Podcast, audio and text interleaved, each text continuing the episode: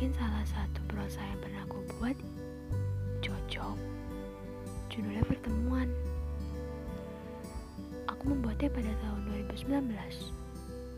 Ketika aku membayangkan jika aku bertemu seseorang yang sangat membekas di hatiku. Semoga kalian suka ya.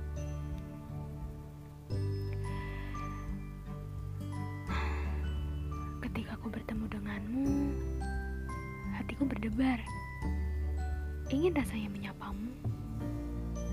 Namun aku tak bisa. Aku tak seberani itu. Gengsiku terlalu besar.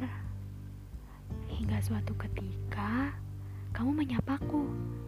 Iya, kamu menyapaku duluan.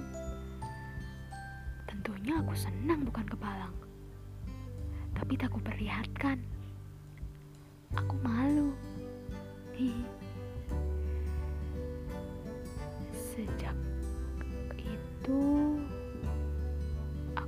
Mengetahui rasa ini.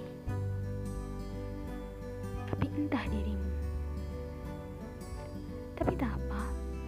Aku senang dan tentunya bahagia melihatmu dari jauh. Ternyata kamu semenyenangkan itu ya.